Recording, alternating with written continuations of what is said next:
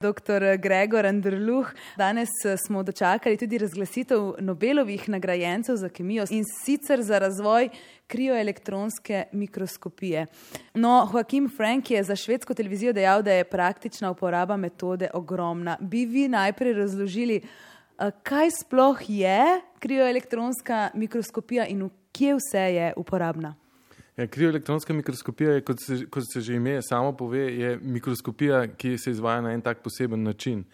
E, posebnost e, tega pristopa, se pravi, elektronsko mikroskopijo poznamo že zelo dolgo časa kot e, metodo, ki jo predvsem v biologiji uporabljajo za raziskave e, celic, e, tkiv in tako naprej. E, posebnost krioelektronske mikroskopije pa je v tem, da se izvaja pri zelo nizkih temperaturah, Eh, tam so molekule v bioloških sistemih ali pa same osamljene molekule v zamrznenem stanju in jih lahko potem eh, analiziramo na tak način, da pridobimo eh, veliko podatkov o njihovi zgradbi. Se pravi, kako izgledajo, kakšne oblike so, Eh, tudi o bioloških kompleksih, kot so naprimer virusi ali pa kakšni drugi, drugi sestavni deli celic, recimo ribosomi ali pa kakšni drugi veliki kompleksi.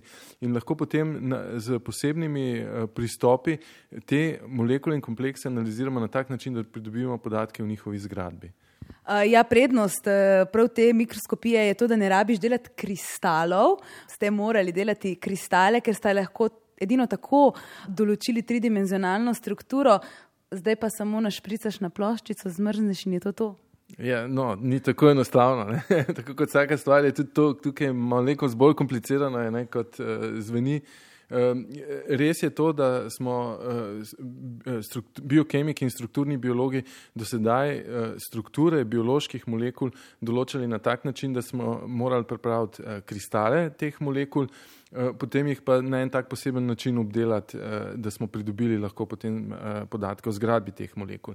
Da pridobiš kristale molekul, je potrebno imeti velike količine tovrstne molekule, ki mora biti stabilna, ki mora biti čista. Eh, in je to včasih zelo težko doseči. Eh, to so dolgotrajni postopki, eh, za določitev strukture takšne molekule lahko traja tudi od pol leta do nekaj let. To vrstni pristopi so v uporabi tudi v slovenskem prostoru, tudi v našem odseku jih uporabljamo.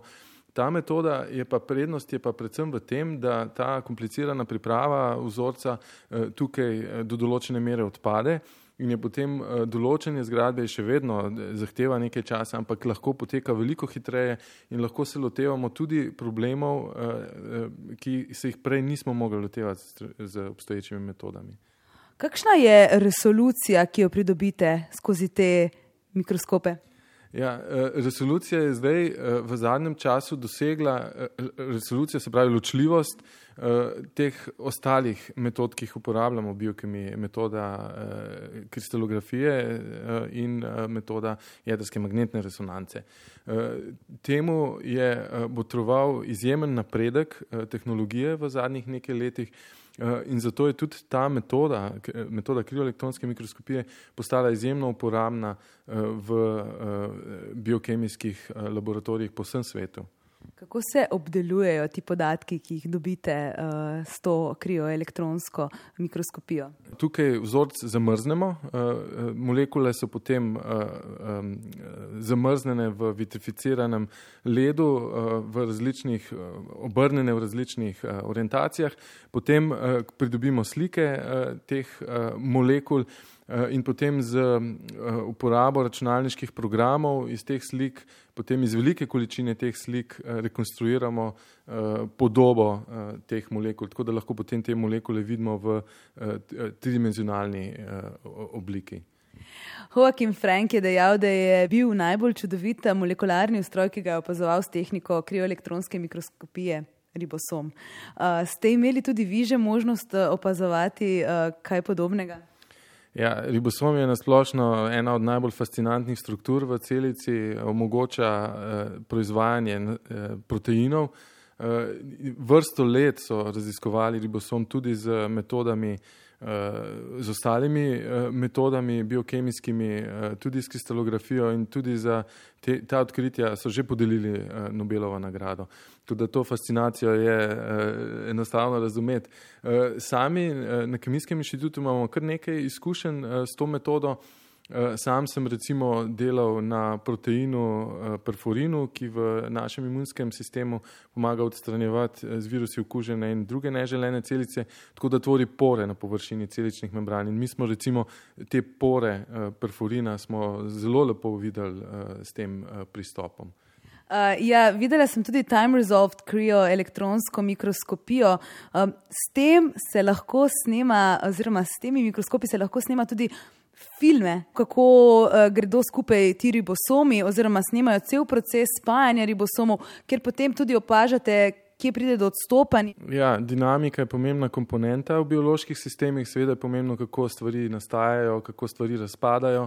In z uh, to metodo je potem seveda možno uh, vse te stopne v življenju nekega kompleksa ali pa v življenju neke molekule razločiti in jih obdelati strukturno in potem iz teh struktur izdelati uh, filmček. Uh, to vrstnih uh, študij je kar nekaj, recimo že prej omenjeni ribosom, uh, so na tak način uh, zelo podrobno obdelali, uh, kjer so potem uh, točno videli vse uh, spremembe v zgradbi, ki se do dogajajo med nastajanjem proteinskih molekul.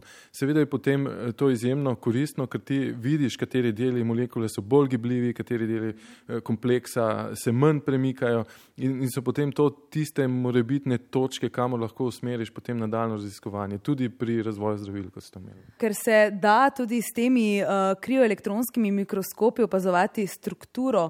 Encimov, ne, ki proizvajajo amiloidne beljakovine, uh, in te so odgovorne tudi za nastanek, recimo, Alzheimerjeve bolezni, uh, bomo s poznavanjem teh struktur, tudi s pomočjo teh mikroskopov, znali prihodnje izdelati tudi zdravilo za to neozdravljivo bolezen. Jaz se tukaj ne bi omejeval samo na to bolezen.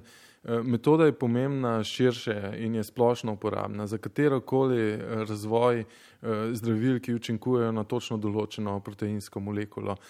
Še enkrat ne, s to metodo pridobivamo podatke o, o, o beljakovinskih molekulah, o kompleksih na atomski ravni. To, to je pa tista raven, ki jo potrebujemo za to, da lahko načrtujemo učinkovine, potem tudi z drugimi pristopi, z modeliranjem, iz katerih lahko potem pridobimo zdravila za določene bolezni. Ja, s tem lahko razumemo, kako so biomolekule zgrajene in kako tudi sodelujejo med sabo. Bi lahko rekli, da gre tudi z razvojem uh, teh krioelektronskih mikroskopij za revolucijo, uh, za neko revolucijo v biokemiji. Točno to, eh, to dejansko biokemija doživlja s to metodo razcvet v zadnjih letih. Eh, zaradi eh, razvoja tehničnih eh, dosežkov, predvsem tukaj mislim na detektorje, ki so izjemno občutljivi in imajo visoko ločljivost, je ta metoda postala tako zelo uporabna v biokemijskih raziskavah, ker, ker se je ločljivost približala ločljivosti, ki jo z drugimi metodami lahko določimo. Seveda je pa izziv potem pri tem, da takšni mikroskopi um, so velike aparature, ki zahtevajo veliko pozornosti uh, in, in nažalost uh, jih ni veliko, uh, jih je seveda vedno več, uh, vsaka, uh, vsaka večja raziskovalna inštitucija ali univerza uh, že ima to vrstne uh, zmožnosti.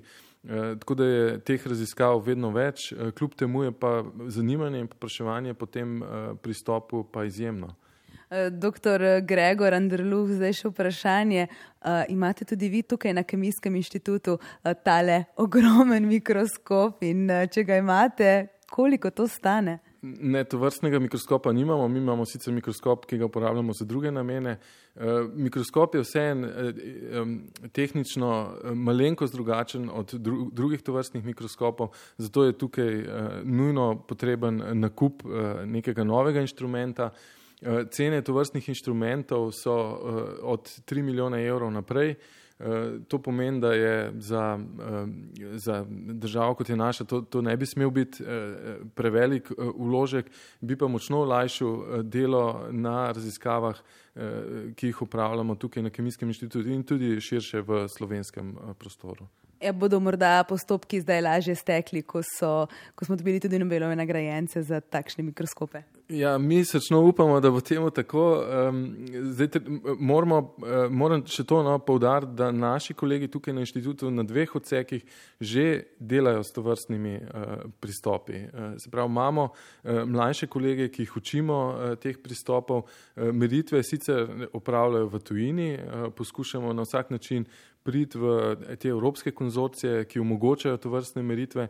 Eh, seveda je zaradi tega velikega popraševanja izjemno težko priti eh, do, do aparatur. Eh, pomagamo si veliko recimo z, z centrom v Brnu.